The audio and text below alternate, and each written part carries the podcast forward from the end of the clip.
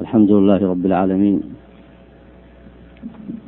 وصلى الله وسلم على نبينا محمد وعلى آله وصحبه أجمعين. سبحانك اللهم لا علم لنا إلا ما علمتنا إنك أنت العليم الحكيم. اقرأ بارك الله فيك.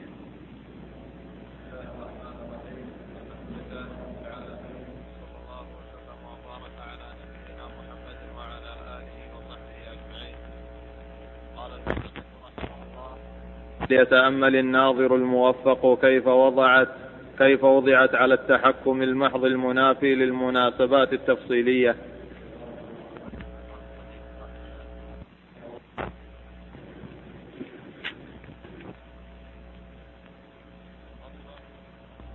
أمثلة عشرة. المرسلة.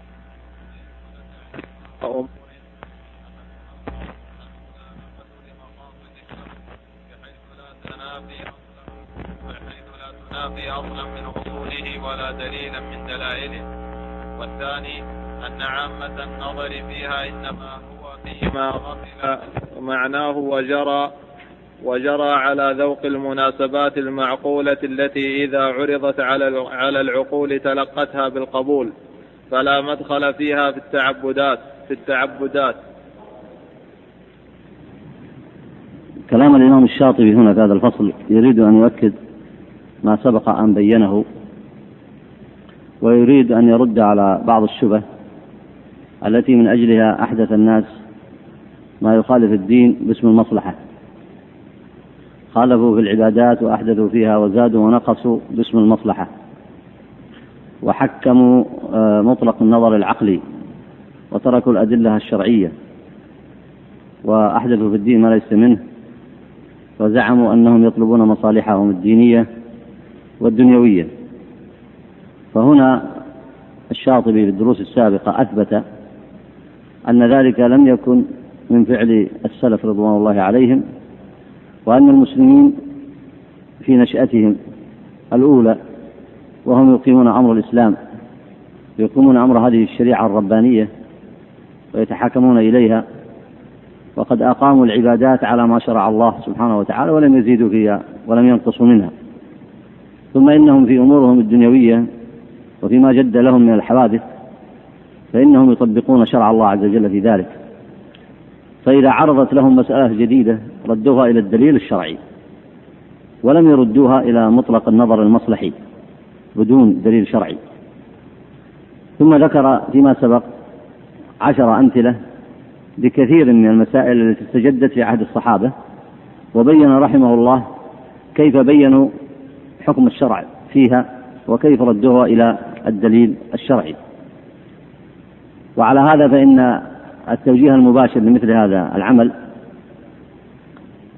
في عهد الصحابة رضوان الله عليهم وكذلك عمل العلماء بعدهم ممن اقتفى أثرهم أنه يجب على الناس أن يرجعوا في كل ما يعملون به إلى العمل بمقتضى هذه الشريعة المباركة. فإن كان في الأمور العبادية في أمر التوحيد الصلاة والزكاة والحج الصوم وسائر التعبدات فيقفون مع النص الشرعي. وكذلك يتحاكمون إلى شريعة الله في أعمالهم الأخرى. فإن جدت لهم مسائل صنعوا مثل ما صنع الصحابة رضوان الله عليهم ومثل ما صنع علماء الأمة من السلف رحمهم الله وهم وهو أن يبحثوا عن تلك المسألة الجديدة يبحثوا عن حكمها في شريعة الله ولا يتبعوا ما يظنونه من المصالح المتوهمة أو الملغية أو المصالح التي يظنها الناس مصالح وإنما يردون تلك المسائل المستجدة إلى مقتضى الاجتهاد الشرعي ويبنونها على الاجتهاد والدليل الشرعي. وعلى هذا استطاع الإمام الشاطبي في هذا البحث وما زال مستمرا لبيان هذه القضية الأساسية استطاع رحمه الله أن يثبت هنا أن البدع التي أحدثها الناس في العبادات أو في غيرها لا ترجع إلى الدليل الشرعي. لا ترجع إلى الدليل الشرعي. حتى وإن قالوا إن هناك مسائل مستجدة قد بناها السلف رحمهم الله على مقتضى الدليل الشرعي الذي يحقق المصالح الشرعية. فالشاطبي وغيره من أهل العلم يقول نعم حققوا المصالح الشرعية لكن باجتهاد شرعي. لكن باجتهاد شرعي. ضابط الاجتهاد الشرعي كما سبق معكم هو اعتماد عدم مخالفة النص الشرعي. لا بد أن تشهد الشريعة المباركة الشريعة المحمدية لتلك المسائل الجديدة بالقبول. وهنا قال ذكر أول الشروط قال الملائمة لمقاصد الشارع بحيث لا تنافي أصلا من أصوله. الآن يريد أن يجعل أو أن آه، يثبت هنا آه، كلاما مختصرا يستنبطه من المسائل التي ذكرها. مصالح المرسلة المصالح الشرعية التي عمل بها السلف رضوان الله عليهم أولا من من أول شروطها واعتباراتها أن تكون ملائمة لمقاصد الشارع بحيث لا تنافي أصلا من أصوله ولا دليلا من دلائله إن أردت أن تأخذ مثلا مثال قتل الجماعة بالواحد يلائم مقاصد الشارع أو لا؟ هل ينافي أصلا من أصوله أو دليلا من أدلته؟ طيب أردت أن تأخذ مثلا جمع المصحف. كتابة المصحف وجمعه. هل يلائم مقاصد الشارع؟ تقول نعم. هل ينافي أصلا من أصوله أو دليلا من أدلته؟ تقول لا. وهكذا في سائر الأمثلة التي ذكرها المصنف قبل ذلك في الدروس الماضية. طيب لو أردت أن تعكس السؤال وتقول هل البدع التي أحدثها, أحدثها الناس في التوحيد وهو إدخال الشرك على التوحيد وفيما يتعلق بالبدع عند القبور وفيما آه، يتعلق بسائر المحدثات. هل تلائم مقاصد الشارع أم تناقض مقاصد الشارع؟ تقول تناقض مقاصد الشارع. هل تقول أنها لا تنافي أصلا من أصوله ولا دليل من أدلته؟ أو تقول أنها تنافي أصوله وتنافي أدلته؟ هذا هو الفرق الكبير بين المصالح المرسلة عند الفقهاء وفي عمل السلف وبين البدع المحدثات. تطبق عليها هذه الاعتبارات. تأتي مثلا لاجتهادات الصحابة واجتهادات من بعدهم من سار على طريقهم المسائل المستجدة في العمل بالمصالح بالضابط الشرعي تقول تلك المصالح تلك الاجتهادات تلائم مقاصد الشارع. وتقول أيضا لا تنافي أصلا من أصوله ولا دليلا من أدلته. هذا من أعظم الضوابط للعمل بالمصلحة. من عندكم أصول الاستدلاء الأصول الكتاب والسنة والإجماع والقياس. القياس هو القياس على الماء على العلة المنصوص عليها في الشرع أو المستنبطة. المصلحة هي من معنى القياس لكن محملة على مجموعة أدلة كما سبق معكم في جمع المصحف وفي قتل الجماعة الواحد. الضابط على القياس ألا يخالف النص والضابط على المصلحة ألا تخالف النص الخاص. هذه الضوابط وضعها السلف لاحترام النصوص الشرعية وعدم تغيير المنهج ولكف الناس عن التبديل والتغيير والدخول في البدع. وإلا لو أن الناس تحاكموا إلى المصالح التي في رؤوسهم دون أن يكون عليها دليل شرعي. ولو أنهم اتبعوها وهي تعارض النصوص الشرعية سيكون المتبع ما هو الهوى أو النص الشرعي. سيكون المتبع حينئذ الهوى. وهذا غاية ما عند الفرق المبتدعة. غاية ما عندهم أهواء سموها مصالح ثم عارضوا بتلك المصالح الأدلة الشرعية. ولذلك سبق معكم أيضا من باب البيان والتأكيد أن العمل بالمصلحة له شروط كما أن القياس له شروط.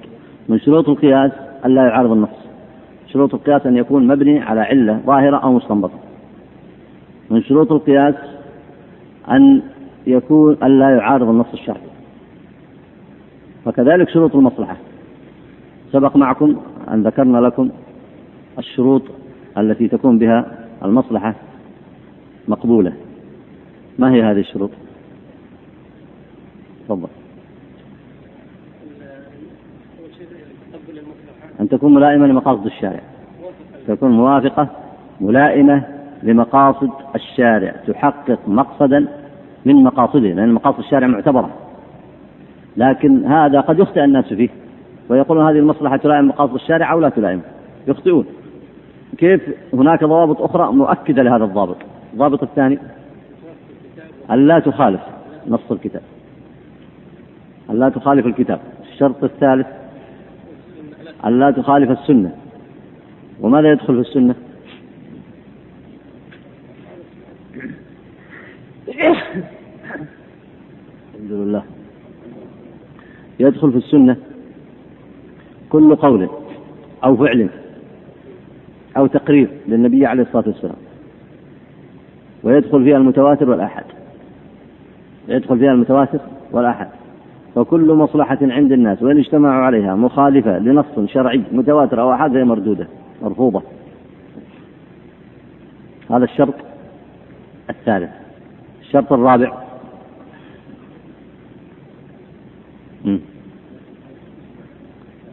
لا تخالف الإجماع الثابت. طيب. الشروط الأخرى.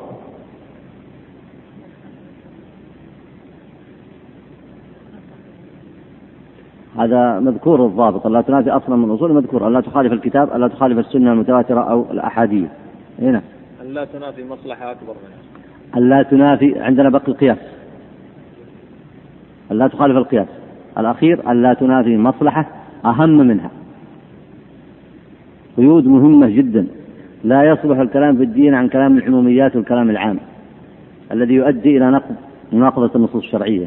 هذه الشروط وضعها أهل العلم وثبتوها وعملوا بها. فتأمل الآن أنه مما يظن الناس أنه من المصالح أو حتى من المجتهدين أو حتى لو خرجت المصلحة من, من رأس عالم. ما يمكن أن يعمل بها إلا من خلال هذه الشروط. ما يمكن أن تقبل إلا من خلال هذه الشروط. وسبق معكم أن الشاطبي ذكر أن أحد العلماء أراد أن يفتي أحد الولاة لما وطئ امرأته في نهار رمضان أراد أن يلزمه بالصيام شهرين متتابعين. فأجمع العلماء على أن هذه المصلحة التي ظهر خرجت من رأس مجتهد من رأس عالم وهي لو عرضت على كثير من الناس لاستحسنوها. فقال هذا انتهك شهر رمضان ولا يؤدبه ولا يمنعه من انتهاك شهر رمضان إلا الصيام لأنه يستطيع أن يعتق رقاب كثيرة. لكن العلماء بينوا أن هذا القول المبني على هذا المصلحة فاسد لأن المصلحة هذه لم تتحقق فيها الشروط. لم تتحقق فيها الشروط. لأنها مخالفة لنص الكتاب. ومخالفة نص الكتاب هو وجوب العمل بالسنة. وما آتاكم الرسول فخذوه وما نهاكم عنه فانتهوا فانتهوا. فما الذي آتانا الرسول صلى الله عليه وسلم؟ الذي أوحي إليه؟ الترتيب العتق الصيام الإطعام. والشرط الثاني أيضا متخلف وهو ألا تخالف نص الكتاب. خالفت نص الكتاب ولا ما خالفت؟ خالفت نص الكتاب. فأي مصلحة؟ حتى لو خرجت من ذهن مجتهد. إذا خالفت نص الكتاب فهي مردودة. إذا خالفت نص السنة فهي مردودة. إذا خالفت القياس فهي مردودة. إذا خالفت مصلحة أهم منها فهي مردودة. يعني تأمل الآن. شوف التدقيق عند أهل العلم. تأمل مصلحة قال توافق مقصود الشارع.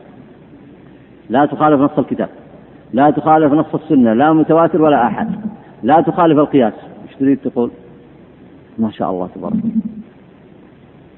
لكن افرض أن هذه المصلحة فيه مصلحة أكبر منها. ترد ولا ما ترد؟ ترد. فهنا خمسة شروط. بينها العلماء ووضحوها في هذا الموضوع. وهذا الموضوع هو المصلحة بالنسبة لأهل البدع والهواء تلاعبوا به. وكل ما ظنوا أنه مصلحة حملوا الناس عليه. ولذلك تجرأ الناس في هذا العصر واعتبروا مثلا مخالفة الشريعة مثل القوانين الوضعية اعتبرها مصلحة. تنظم حياة الناس وتعطيهم حريتهم توسع مفهوم الحرية الشخصية وتناسب التطور وتفعل كذا وكذا وكذا. فخالفوا أصول الدين. فإذا فتحت باب الأبواب المصلحة بدون أدلة فهي الأهواء حينئذ. وما من أمة إلا وهي تدعي أنها تعمل بالعدل عند نفسها وأنها تريد أن تحقق المصلحة لها ولكن المصالح لا يمكن أن تعرف إلا من هذه الشريعة المباركة ومن طريق النصوص الشرعية. طبعا في هذا بحوث كثيرة علمية مهمة رسائل دكتوراه في مسألة المصلحة. ومنها رسائل أيضا أثبتت أنه ليس هناك عالم من علماء المسلمين المعروفين المشهورين يقول بأن المصلحة تقدم على النص. ليس هناك عالم من الأئمة مثل مثل علماء السلف علماء الأئمة الأربعة. لكن راجع عند من يسمونهم الآن التنويريين والعصرانيين والمتأثرين بالعلمانية يريدون أن يكتسحوا النصوص الشرعية. لو قالوا النصوص الشرعية غير لازمة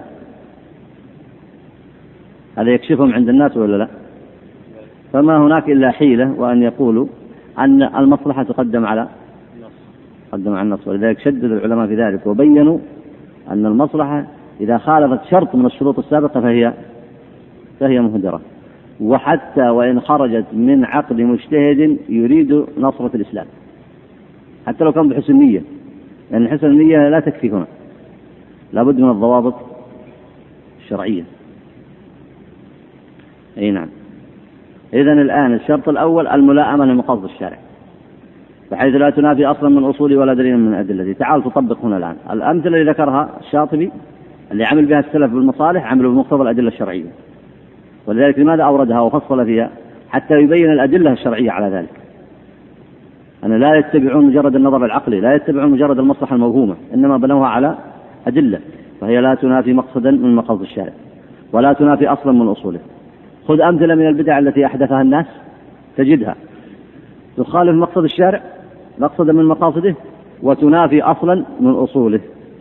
ولذلك هذا البحث كله من أوله إلى آخره. يريد الشاطبي رحمه الله أن يثبت أنه لا تمسك ولا متمسك لأهل البدع والأهواء في القول بالمصالح فرق بين المصالح الشرعية وبين البدع المحدثات. إذا سئلت ما هو الفرق.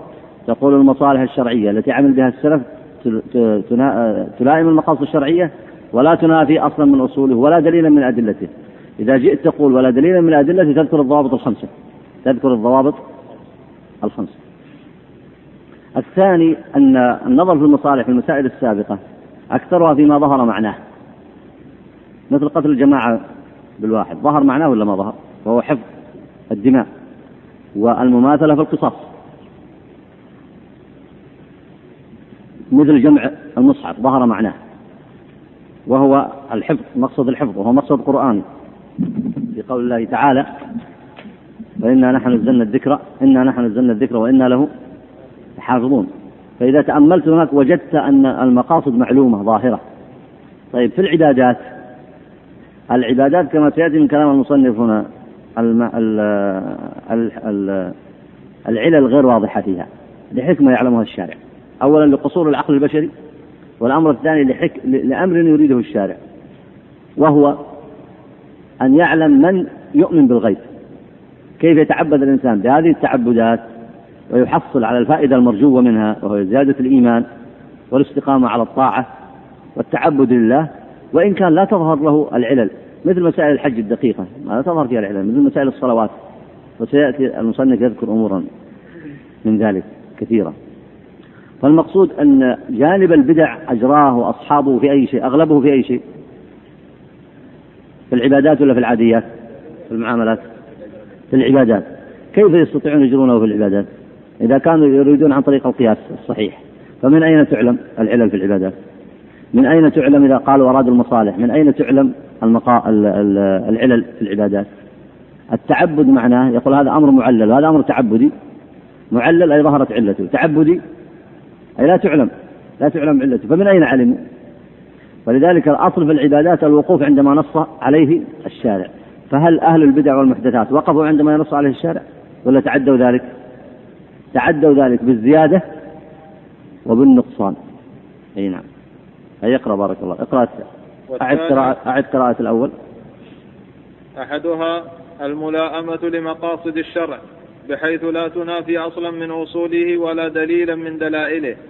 والثاني أن عامة النظر فيها إنما هو فيما غفل معناه وجرى على ذوق المناسبات المعقولة التي إذا عرضت على العقول تلقتها بالقبول. فلا مدخل لها في التعبدات ولا ما جرى مجراها من الأمور الشرعية.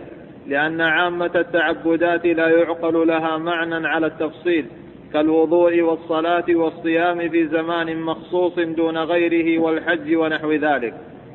فليتأمل الناظر الموفق كيف وضعت على التحكم المحض المنافي للمناسبات التفصيلية. سيأتي بأدلة الآن. سيأتي بتطبيقات على الطهارة وعلى الصلاة وعلى الأذان. لكن لاحظوا هنا فرق بين أن نقول أن العلة لا تدرك وبين أن نقول أن ما في حكمة فرق بين الأمرين. الحكم ظاهرة.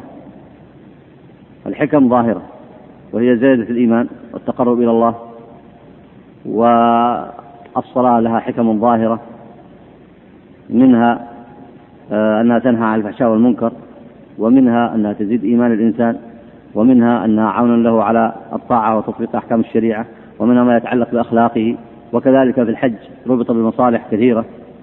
هذه حكم عامة. حكم عامة لكن لا يمكن مثلا أن تفرق آه، أن تحدد العلل في بعض المسائل آه، المتع... في في كثير من المسائل آه، المتعلقة بالعبادات. إيه نعم. ألا ترى أن الطهارات على اختلاف أنواعها قد اختص كل نوع منها بتعبد مخالف جدا لما يظهر لبادئ الرأي فإن البول والغائط خارجان نجسان يجب بهما تطهير أعضاء الوضوء دون المخرجين فقط. دون المخرجين. دون المخرجين فقط ودون جميع الجسد. فإذا خرج المني أو دم الحائض وجب غسل جميع الجسد دون دم المخرج فقط المخرج فقط ودون أعضاء الوضوء.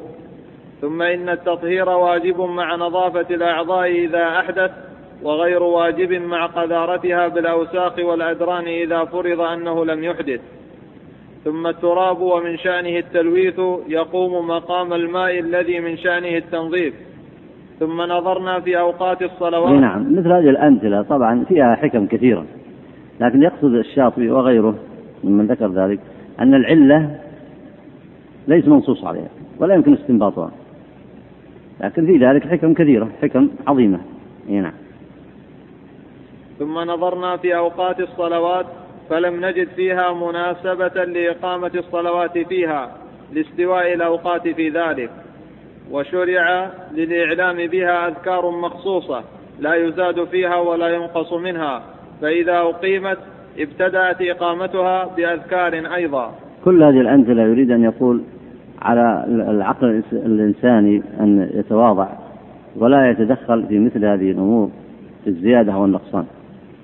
أما بالنسبة للنظر في الحكم ففي هذا حكم كثيرة. يعني لو التفت لو أراد الشاطبي أن يلتفت إلى بيانها هنا لبينها كما بينها غيره. ومن الحكم هنا مثلا في في في ما يتعلق بترتيب أوقات الصلوات كذلك ما يتعلق مثلا بالأوقات. لا شك أن أن أن الأوقات مرتبطة بعلامات ظاهرة اللي هي أوقات الصلاة سلوك الشمس والفجر مرتبط بأول آه، انبثاق وانفجار الفجر. فهناك حكم كثيرة. لو أراد الإنسان أن يتتبعها لوجدها كثيرة. لكن الشاطبي هنا يريد أن يقول أن أن الشارع جعلها على وجه التعبد لاختبار المكلفين. أما الحكم فالحكم فيها كثيرة جدا. وإنما قصد العلماء أن يسموها بالتعبديات حتى لا يتجرأ العقل الإنساني الضعيف على الزيادة فيها والنقص. كما صنع أهل البدع فإنهم لما تجرؤوا على الزيادة والنقص فيها لم يكن لهم حد حينئذ يمنعهم من التقول على الله. وأما بالنسبة للأذان على شك أنه وراءه حكم كثير. فإن النبي صلى الله عليه وسلم لما كان من الناس من اليهود من ينادي للأذان بالنواقيس وغيرهم ينادون بطريقة معينة كانت هذه الطريقة المباركة وهي إظهار التوحيد على المنابر بإثبات التوحيد بتعظيم الله وتكبيره وتعظيمه ثم بإظهار التوحيد في شهادة أن لا إله إلا الله ثم في إظهار متابعة النبي عليه الصلاة والسلام حتى يعلم الناس عظم هذه الشهادة وهي تصديقه فيما أخبر أشهد أن محمد رسول الله. تصديقه فيما أخبر وطاعته فيما أمر واجتناب ما نهى عنه وزجر وأن لا يعبد الله إلا بما شرع. هذه معاني عظيمة فترفع على المنابر ويعرفها الناس وإن ضيعها كثير من الخلق وضيعوا هذه المعاني. لكنها هذه المعاني باقية لمن عرفها وعرف حقيقتها. ولا شك أن هذا فيه من الحكم ما لا يخفى وأن الإعلام للأذان بالطبل أو بالنواقيس لا شك أن الإعلام بمثل هذه الألفاظ العظيمة التي تحمل مجملات الإسلام وعقيدة الإسلام لا شك أن وراء هذا حكم لا يمكن للإنسان آه، أن يستطيع أن يجمعها. هناك حكم عظيمة من ذلك. إيه نعم. ثم شرعت ركعاتها مختلفة باختلاف الأوقات وكل ركعة لها ركوع واحد وسجودان دون العكس إلا صلاة خسوف الشمس فإنها على غير ذلك. ثم كانت خمس صلوات دون أربع أو ست أو ست وغير ذلك من الأعداد. فإذا دخل المتطهر المسجد أمر بتحيته بركعتين دون واحدة كالموتر أو أربع كالظهر. إي نعم مثل هذه مثل هذه التفرقة الدقيقة. ما يمكن الإنسان أن يستطيع أن يحدد لماذا كانت هذه ثلاث لماذا كانت هذه ركعتين لماذا كانت هذه أربع. مقصود الصلوات واضح الحكمة فيه. لكن مثل هذا التحديد لو تدخل المكلف فيه وقال هذه الثلاث نجعلها أربع وهذه الأربع نجعلها خمس وهذه الاثنتين نجعلها ثلاث وهذه الواحدة نجعلها اثنتين كان هذا تصرف من عقله في النصوص الشرعية. اي نعم. فإذا سهى في صلاته سجد سجدتين دون سجدة واحدة فإذا قرأ آية سجدة سجد واحدة دون اثنتين. ثم أمر بصلاة النوافل ونهي عن الصلاة في أوقات مخصوصة وعلل النهي بأمر غير غير معقول المعنى. غير بأمر غير بأمر غير معقول المعنى. إي نعم ورد التعليل في النهي في الأوقات المخصوصة. بأن آه، بالنهي لأن المشركين كانوا يتعبدون في مثل هذه الأوقات. كانوا إذا بزغت الشمس صلوا لها وتعبدوا في مثل هذه الأوقات فورد النهي عن التشبه بهم. النهي عن التشبه بهم هذا هو من إدراك الحكم العامة. وقد يقول بعض أهل العلم بإدراك بأن هذه علة. إذا وقع التشبه في أمر آخر فإنه ينهى عنه. فإنه ينهى عنه. لكن المقصود الشاطبي هنا أنه لا يمكن القياس على مثل ذلك. ولذلك كما سيأتي أن الأصل في العبادات التعبد. ولا يزاد فيها ولا ينقص. والأصل فيها آه عدم جريان القياس. ما هو مثل باب العاديات والمستجدات التي تستجد للناس. إي نعم. وعلل النهي بأمر غير معقول المعنى ثم شرعت الجماعة في بعض النوافل كالعيدين والخسوف والاستسقاء دون صلاة الليل ورواتب النوافل. فإذا صرنا إلى غسل الميت وجدناه لا معنى له معقول لأنه غير مكلف. ثم أمرنا بالصلاة عليه بالتكبير دون ركوع أو سجود أو تشهد. والتكبير عليه أربع تكبيرات دون اثنتين أو ست أو سبع أو غيرها من الأعداد. هذا يعني كل ما يذكره العلماء من هنا في, في هذه المسائل بأن التعبدات آه، ليست كالمسائل المعللة في العاديات إنما يقصدون به كف الإنسان عن الزيادة أو أن أو إدخال القياس في العبادات. أما كما سبق معكم أنه يدرك الحكم العامة لذلك فهذا باب يستطيع العلماء أن يبينوه. وفي هذا حكم كثيرة. فالصلاة على الميت المقصود منها الدعاء. ولو أراد الشاطبي أن يستفسر لبيانها لبين لكن قصده هنا أن مثل هذه الأحكام في العبادات مبنية على التعبد. مبنية على التعبد. لا يجري فيها القياس وليست مجال لأهل الأهواء أن يزيدوا فيها وينقصوا. لكن لو أراد أن يتحدث عن المقاصد العامة والحكم لوجد في هذا مجالا. فمثلا الآن صلاة آه، الصلاة على الميت. الصلاة على الميت ليست كالصلاة العادية. وإن كان فيها شيء من معنى الصلاة العادية. الصلاة العادية فيها تعظيم لله. والصلاة والصلاة على الميت فيها هذا المعنى من حيث قراءة الفاتحة. أن قراءة الفاتحة فيها إثبات التوحيد لله. فيها إثبات التوحيد لله عز وجل توحيد الربوبية الحمد لله رب العالمين. توحيد الألوهية توحيد الأسماء والصفات الرحمن الرحيم. توحيد العبادة إياك نعبد وإياك نستعين فيها هذا. لكنها دعاء صلاة على الميت دعاء. ليست صلاة فيها ركوع وسجود. ولذلك من حكمة الشارع أنه لم يجعل فيها سجود.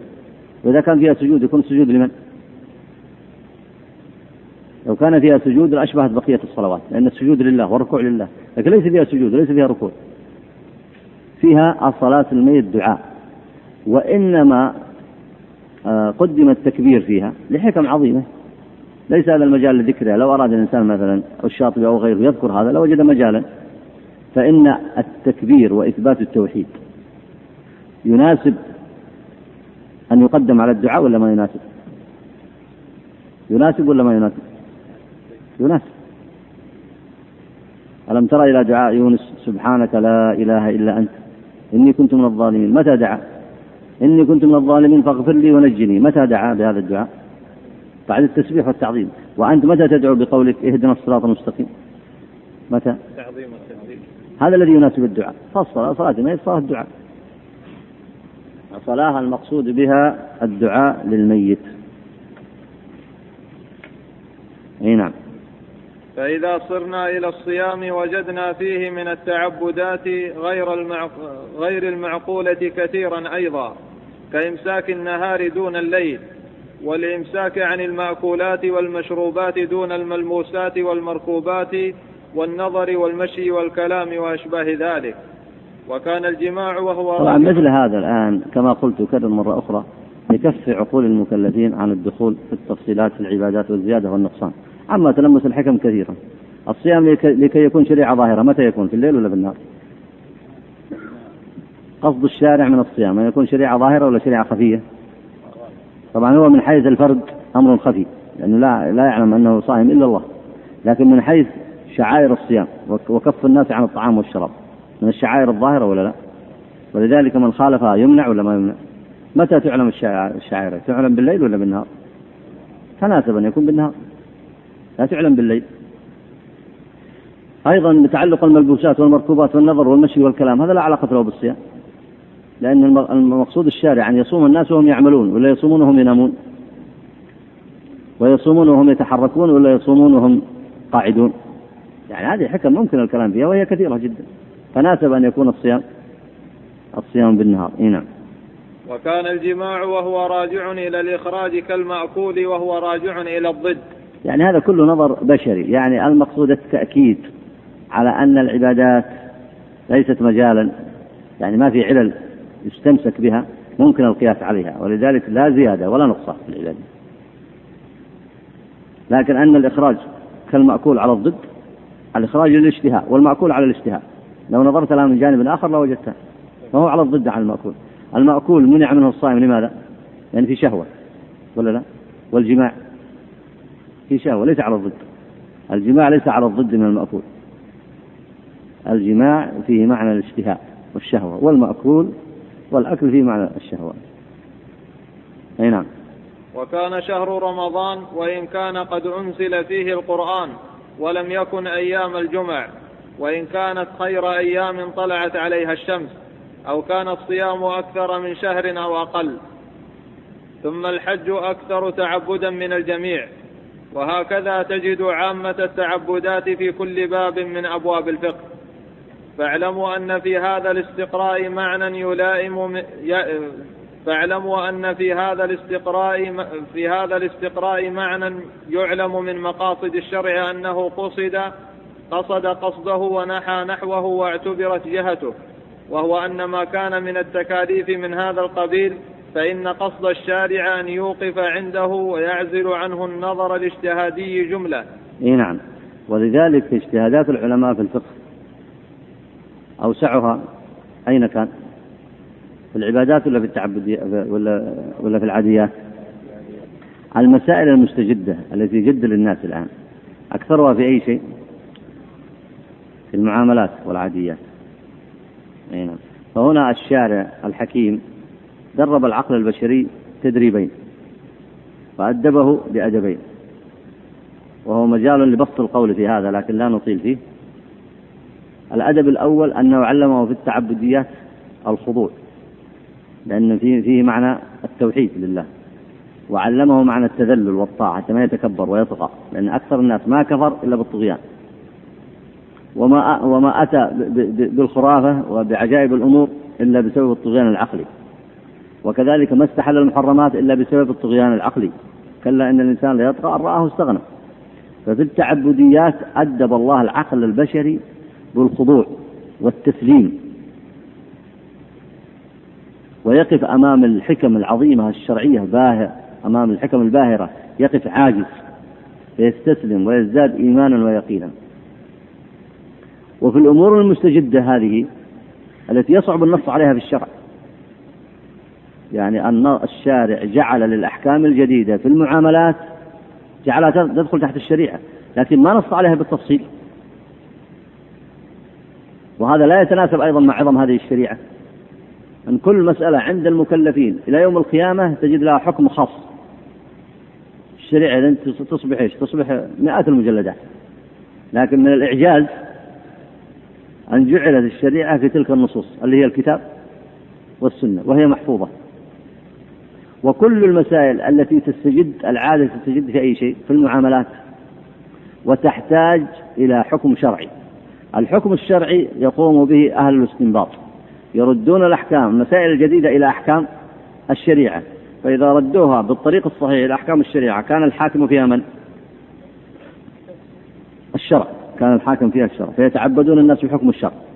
إذا ردت إلى أحكام الشريعة تدخل تحت مقاصدها المباركة الطيبة ولا ما تدخل؟ وتدخل تحت العدل الرباني ولا ما تدخل؟ فيحصل الناس تلك المقاصد.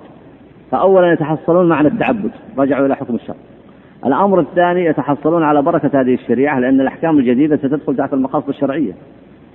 ستدخل تحت المقاصد الشرعية المباركة. الأمر الثالث أنهم سيمارسون عملية الاجتهاد. ممارسة عملية الاجتهاد هذه تحت الضوابط الشرعية عبادة ولا ما هي عبادة؟ عبادة. ولذلك الشافعي أدخل مسألة الاجتهاد تحت الابتلاء. قال ليبلوكم أيكم أحسن عملا. قال من ذلك الاجتهاد. بدليل أن من الناس من يحاول الاجتهاد في الشرع الآن ويناقض أحكام الشريعة. حاصل هذا ولا ما هو حاصل؟ ومن الناس من يتقي الله في الاجتهاد ويطبق الأحكام الشرعية ويلتزم بالنصوص الشرعية. هذا موجود وهذا موجود ولا لا؟ ما الذي جعل أحدهما يصدق ويتقي ويهتدي والآخر يضل ويشقى؟ ما الفرق بينهما الفرق أنه عبادة. الأول اتقى الله فيها والثاني لم يتق الله فيها. الأول الذي رجع إلى الأدلة الشرعية واجتهد الاجتهاد الصحيح اتقى الله. لا يفتي بالباطل لمصلحة أحد ولا يتعجل في الفتوى ولا يناقض النصوص الشرعية ويطرح النصوص الشرعية. والثاني ظلم نفسه. والثاني ظلم نفسه. يمارس عملية الاجتهاد على بغي أو جهل أو ظلم أو طلب زينة من زينة الحياة الدنيا. فيقع في ماذا؟ في مخالفة الشريعة.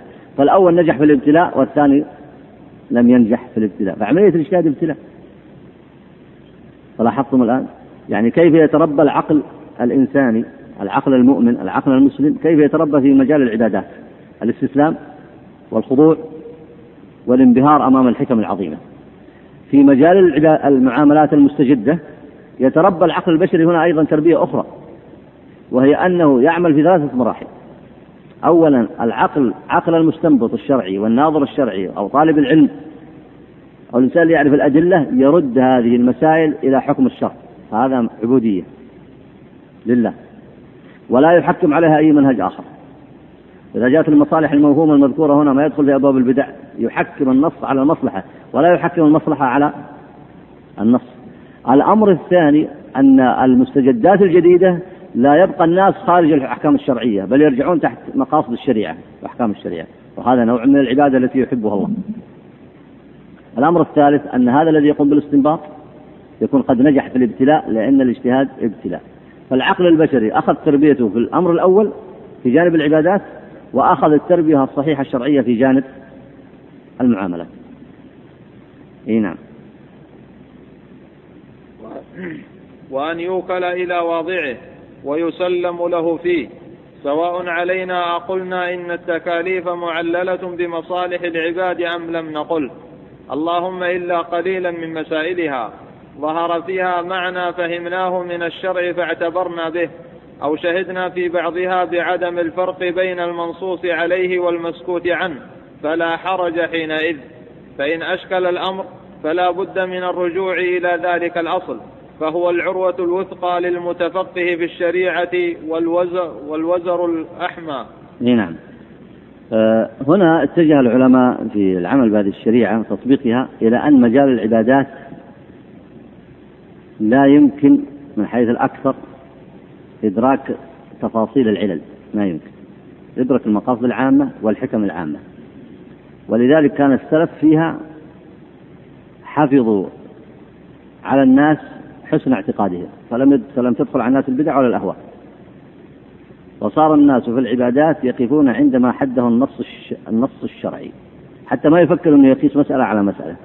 لأنه ما يمكن لأن القياس لابد أن يكون مبني على علة أساسية وغير موجودة. لكن كما سبق الحكم موجودة والمقاصد موجودة. لكن ما يكفي ذلك وخاصة أن الشارع منعهم من هذا التزيد. من أحدث في أمرنا ما ليس منه فهو رد. كل بدعة أي كل محدثة في الدين كل بدعة ضلالة. وسيأتي الآن يذكر مثال من مثال من أمثلة الأئمة المشهورين وسيختار طبعا باعتبار أنه درس مذهب المالكية سيختار كلام الإمام مالك ابن أنس في هذا الباب. أي نعم اقرأ بارك الله ومن أجل ذلك قال حذيفة رضي الله عنه كل عبادة لم يتعبدها أصحاب رسول الله صلى الله عليه وسلم فلا تعبدوها فإن الأول لم يدع للآخر مقالا. فاتقوا الله يا معشر القراء وخذوا بطريق من كان قبلكم. ونحوه لابن مسعود أيضا وقد تقدم من ذلك كثير. وش اللي تقدم من ذلك الكتاب؟ النهي عن البدع. الأدلة العامة من الكتاب والسنة وكلام السلف في إنكار البدع والمحدثات. فيتأملوا معي هذه المسألة التي تبين لكم ما تحتاجه الأمة من الإصلاح. تحتاج الأمة إلى جهد كبير عظيم. في مجال العبادات والتعبديات ما أكثر الإحداث. حتى أصبحت الآن القبور مكان للعبادات وصرف العبادة لغير الله. هذا عاد أقوى أنواع الإحداث. ثم بعد ذلك الإحداث في المناسبات والإحداث في أمور لا تحصى. هذا الذي منع منه المسلمون ماذا صنعوا؟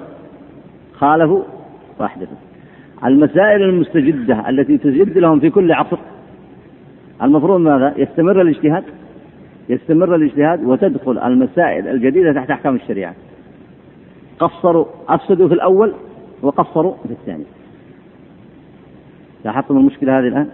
هذه طبعا اللي يريد يدرس أحوال الأمة من قرون طويلة يجد هذه المشكلة مشكلة كبيرة جدا وهي من أوضح خطوط الانحراف. في مسائل العبادات اللي المفروض يأخذوها من النصوص الشرعية ويتعبد الله فيها على السنة ويحفظ السنن فيها وينشر السنن فيها وكفى بالسنن فيها هاديا عن النبي عليه الصلاة والسلام. هذه دخلوا فيها بالتغيير والتبديل يعني ما منعوا منه دخلوا فيه. سواء في مسائل التوحيد أو في مسائل الصلاة أو الصيام أو الحج أو سائر العبادات. وأصبحت العبادات عبادات مرتبطة بالمواسم يحدثون فيها ما شاءوا ويزيدون ما شاءوا وينقضوا ما شاءوا وقد منعوا من ذلك. وحجر عليهم هذا الباب. وقيل لهم لكي تكونوا مسلمين صادقين مؤمنين متبعين لأحكام الشريعة مستقيمين على طريقة السلف الصالح مقيمين للسنن إياكم من الدخول في هذا. هذا أبواب البدع. فأبوا إلا أن يدخل كثير منهم. الجانب الثاني الجانب الثاني أن المسائل الجديدة التي تجد مع المجتمعات تحتاج إلى اجتهاد وإدخال في تحت, الشريعة تحت أحكام الشريعة قصر فيها كثير من الخلق. حتى تنازع المسلمون قبل قرون هل الاجتهاد مقفول بابه ولا مفتوح الباب؟ وسبب التنازع في ذلك لا شك أنه تقصير من داخل الأمة. طيب المسائل الجديدة المسائل الجديدة كيف ستدخل تحت أحكام الشريعة؟ تحتاج مجتهدين ولا ما تحتاج؟ سميه مجتهد سميه عالم سميه ناظر سميه مفتي سميه ما شئت. تحتاج إلى علم ولا ما تحتاج إلى علم؟ ولا تبقى هذه الأحكام خارج أحكام الشريعة؟ وإذا بقيت خارج أحكام الشريعة وجاء القانون الوضعي وحكمها إيش تقول أنت؟ ماذا تقول؟ فتكون أنت الذي أحدثت المشكلة بنفسك. المسائل الجديدة تحتاج إلى إدخال تحت أحكام الشريعة. تحتاج إلى إدخال تحت أحكام الشريعة. هذا فرطت فيه الأمة من حوالي أكثر من ثلاثة أو أربع قرون. في باب العبادات دخلوا فيما منع منه فأحدثوا البدع. في الأمور الجديدة التي تحتاج إلى اجتهاد قعدوا عنها. فيكون ارتكبوا انحرافين في في مجالين كبيرين. المجال الأول في العبادات إدخالا للبدع. المجال الثاني ترك للاجتهاد ومتابعة المسائل الجديدة في الأشياء الجديدة. طيب وإذا تأخرت الأمة بسبب ذلك تستحق التأخير ولا ما تستحق؟ ولذلك علماء السلف ضبطوا هذا الأمر. في مسائل العبادات أوقفوا الناس عند حدود ما حده الله لهم ومنعوهم من الإبداع من الابتداع والإحداث. وفي المسائل الجديدة ما بقوا مكتوف الأيدي. الشريعة تحاكم تحكم كل مسألة جديدة. طبعا دخلوا وجدوا حضارات الأمم الأخرى وجدوا دخلوا بلاد الفرس بلاد الروم انتشروا في العالم وجدوا مسائل جديدة. لكن ماذا صنعوا؟ أدخلوها تحت أحكام. الشريعة. هذا هذا التصرف الصحيح بحيث تخرج من البدع والمحدثات وفي نفس الوقت المسائل الجديدة تحكمها الشريعة. لا تحكمها القوانين الوضعية ولا يحكمها النظر المصلحي فقط بدون أدلة شرعية. وحينئذ آه، يكون الوضع الطبيعي لهذه الأمة هو الوضع الذي نشأت عليه من قبل. إي نعم. سيذكر الآن مثال بارز. طبعا يختار الإمام الشاطبي دائما يتكلم عن الإمام مالك لأنه ينتسب إلى هذا المذهب وهو من حيث آه، تأليف هذا الكتاب كما سبق معكم في أماكن كثيرة وجد من يعارضه ووجد من يعتبر أن ما يدعو إليه من إنكار البدع والمحدثات أمر يستحق عليه هذا الإمام العقوبة والتشنيع فشددوا عليه فهو يحتاج إلى من يسنده فيستند بمن؟ بعد الله عز وجل. يستند بالعلماء المجددين ومنهم إمام مشهور ينتسب إليه هو وهو الإمام مالك.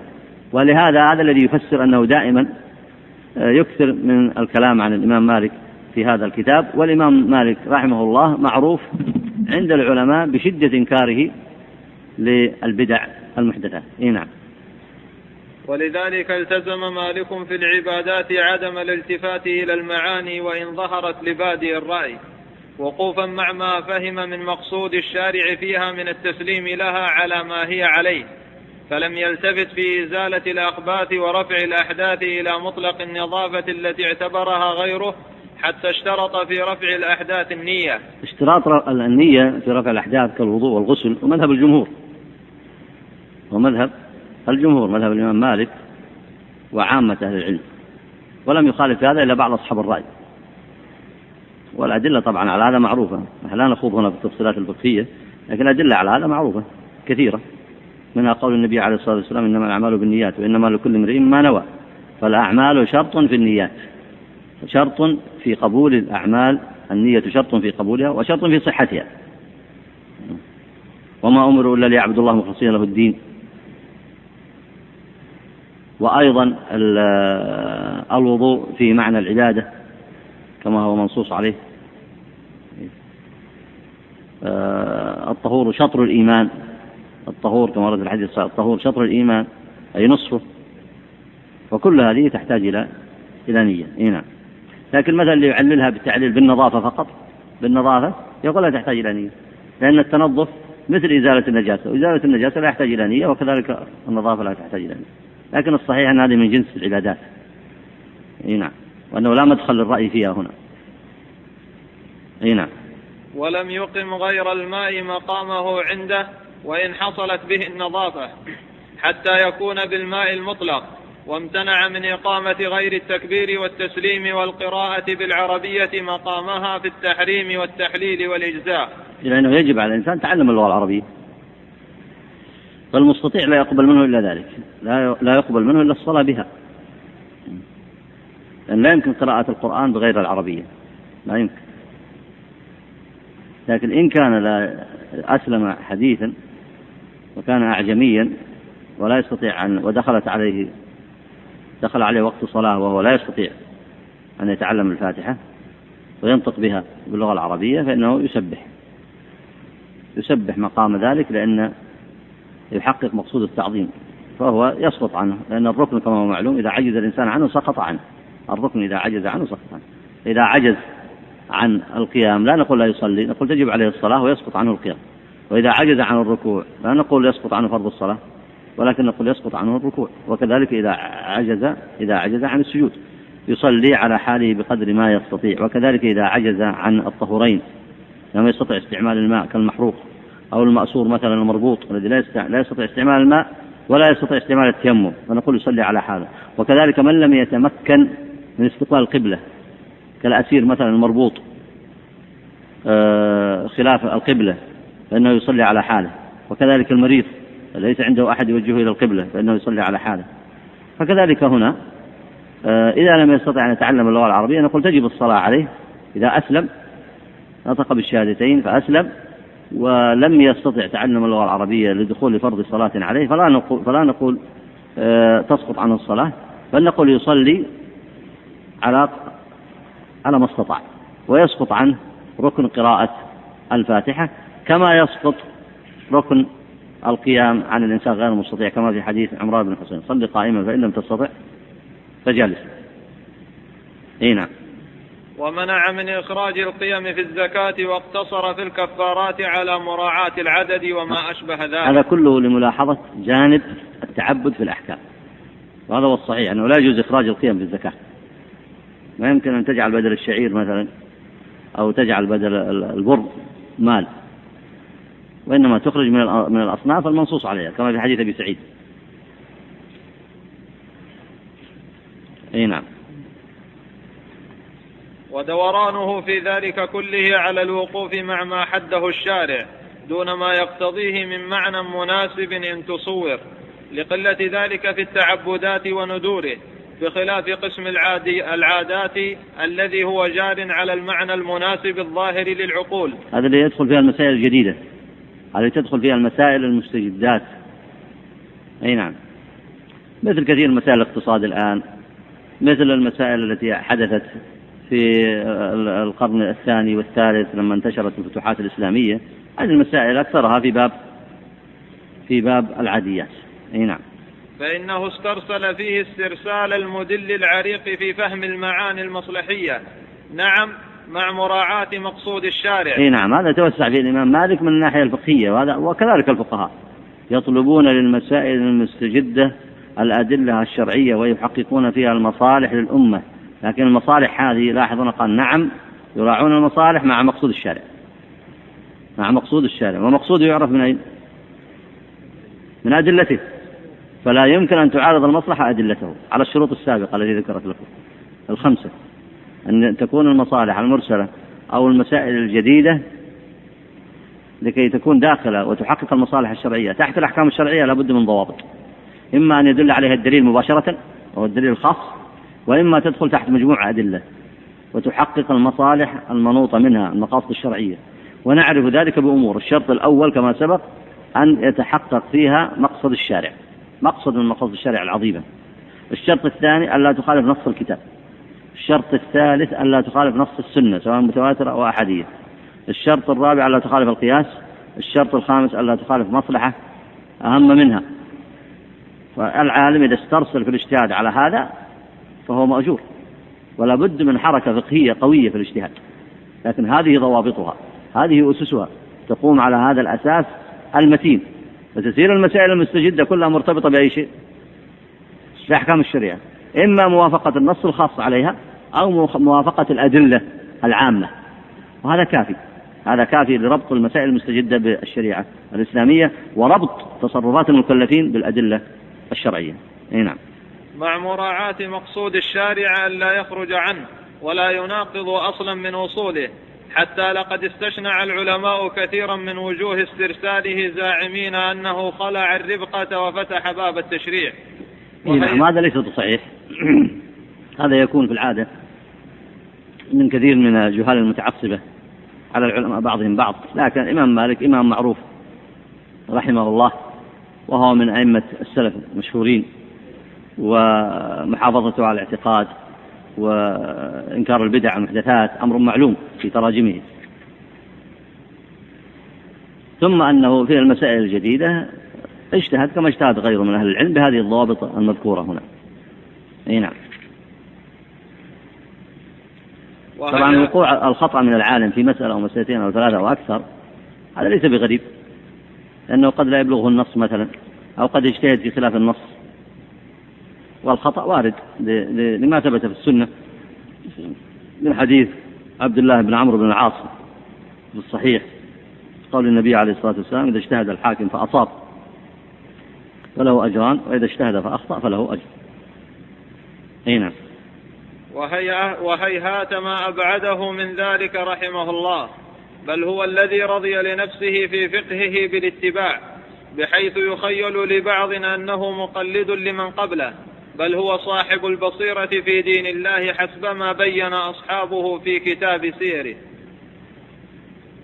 بل حكي عن أحمد بن حنبل بن حنبل أنه قال إذا رأيت الرجل يبغض مالكا فاعلم أنه مبتدع وهذه غاية في الشهادة بالاتباع. إيه نعم. لأن بغض علماء السنة المعروفين بنصرتها القائمين بها الذين عرف من تراجمهم حفظ الحديث ونصر السنة بغضهم لا شك شر. ولذلك كان العلماء يميزون الناس بذلك. كما قالوا أيضا في المقابل إذا رأيت من يبغض الإمام أحمد فاعلم أنه صاحب هوى. لماذا؟ لما ظهر من هؤلاء من نصرتهم للإسلام وتحكيمهم للشريعة ودعوتهم للاعتقاد الصحيح وإنكارهم للبدع ومواقفهم العظيمة في ذلك. وحق لهم حينئذ أن يتبوأوا المكانة الصحيحة في هذه الأمة. ولم يبوئهم هذه المكانة إلا أعمالهم. بعد توفيق الله عز وجل مكن الله لهم وجعل الله لهم القبول فهنيئا لهم. فلا يبغضهم لا يبغضهم إلا صاحب هوى. لأن إذا كانت أنت مهمتك مصلحة الإسلام ونشر الحق وصحيح الاعتقاد ومن مقاصدك نصرة السنة وتحب إظهار السنن وتكره البدع وتحب نصرة التوحيد تكره الشرك وتحب نشر انتشار الشرع وإظهار الدين ثم تكره هؤلاء. كيف نفهم هذا؟ كيف نفهم هذا؟ هؤلاء هم جبال في الأمة نصر الله بهم الحق. نصرا للتوحيد ردا على المبتدعة وأهل الأهواء ونصرا للحق والشريعة. فإذا كنت ممن تحب هذا فكيف تكرههم؟ إي نعم. وقال أبو داود أخشى عليه البدعة يعني المبغض لمالك. إي نعم. وقال ابن مهدي إذا رأيت الحجازي يحب مالك يحب مالك بن أنس فاعلم أنه صاحب سنة. صاحبه. فاعلم أنه صاحب سنة. وإذا رأيت أحدا يتناوله فاعلم أنه على خلاف السنة. تعرفون ابن مهدي عبد الرحمن بن مهدي اللي سبق معكم. عبد الرحمن بن مهدي من أكبر تلاميذ الإمام مالك من أكابرهم وهو الذي دخل عليه في مسجد النبي عليه الصلاة والسلام فوضع عبد الرحمن بن المهدي كما ذكر الشاطبي قصته وبين فيها قوة الإمام مالك في محاربة البدع والمحدثات حتى وإن صغرت. فدخل عبد الرحمن بن مهدي مسجد النبي عليه الصلاة والسلام فوضع جبته من الحر من شدة الحر بين يديه وما كان الناس يصنعون ذلك. الإمام مالك رضي الله رحمه الله كان في المسجد فدعا به أمر الشرط فأتوا به. فجيء به فقال ما حملك على ما أحدثت في مسجدنا؟ والإحداث علماء السلف يخافون منهم ما مثل المتأخرين كثير من الناس ما يعرف إيش معنى الإحداث يحدث عشرين مسألة وما يعرف إيش معنى الإحداث. فهذا فلما قال أحدثت في مسجدنا ارتعش وبكى. فلما ذكره بالحديث من أحدث فيها حدثا فعليه لعنة الله. اشتد عليه الأمر. فقال إنما صنعت كذا وكذا. قال ما صنع أحد قبلك هذا من شدة الاحتراز. فهذا عبد الرحمن المهدي يعرف شأن الإمام مالك فقال هذه المقولة وهو من تلاميذه من تلامذة الكبار الذي نشروا مذهبه في في العراق. أه، تأملوا أيها الإخوة أتباع المذاهب في العصور المتأخرة. ما الذي صنعوا؟ كثير منهم أدخلوا البدع في مجال العبادات. نفس المشكلة السابقة. وفي المسائل الجديدة وتطوير العلم وقفوا عند التعصب. وقفوا عند التعصب. وأصبحوا حتى إذا جاءهم النص الصحيح يتركون العمل به لأنه يخالف المذهب. أتظن هؤلاء الأئمة الجبال يرضون هذا؟ يرضون صنيع هؤلاء في إدخال البدع والمحدثات على العبادات؟ حتى أصبحت القبور مساجد. وغير ذلك من البدع على طول السنة. هل تظنون الأئمة يرضون بهذا؟ وفي نفس الوقت من حيث العلم والاجتهاد والمسائل المستجدة يقصرون. ثم بعد ذلك يقدمون آراء كثير من المتأخرين المخالفة للنص الشرعي يقدمونها على النص الشرعي. وما من إمام من هؤلاء الأمة إلا وهو يوصي أصحابه ويبين لهم إذا صح الحديث فهو مذهبي. ويأتي كثير منهم يقول لا إذا صح المذهب فهو حجتي. طيب وين وصية الأئمة؟ ففرق كبير بين واقع الأئمة عندما يذكر لهم تذكر لهم هذه الصفات وهم يستحقونها وبين واقع كثير من المتأخرين. إيه نعم. وقال, إبرا وقال إبراهيم بن يحيى بن هشام ما سمعت أبا داود لعن أحدا قط. إلا رجلين. أحدهما رجل ذكر له أنه لعن مالكا والآخر والآخر بشر المريسي يعني لعن رجلين. رجل لعن الإمام مالك فرد عليه اللعن. الثاني أنه لعن بشر المريسي وهو من أئمة البدع المشهورين. أي نعم. وعلى الجملة فغير مالك أيضا موافق له في أن أصل العبادات عدم معقولية المعنى. بقية الأئمة أئمة السنة المشهورين. يعني فغير مالك يقصد بقية أئمة السنة المشهورين. أي نعم. وإن اختلفوا في بعض التفاصيل فالأصل متفق عليه عند الأمة ما عدا الظاهرية فإنهم لا يفرقون بين العبادات والعادات بل الكل تعبد غير معقول المعنى. فهم أحرى بأن لا يقولوا بأصل المصالح فضلا عن أن يعتقدوا المصالح المرسلة.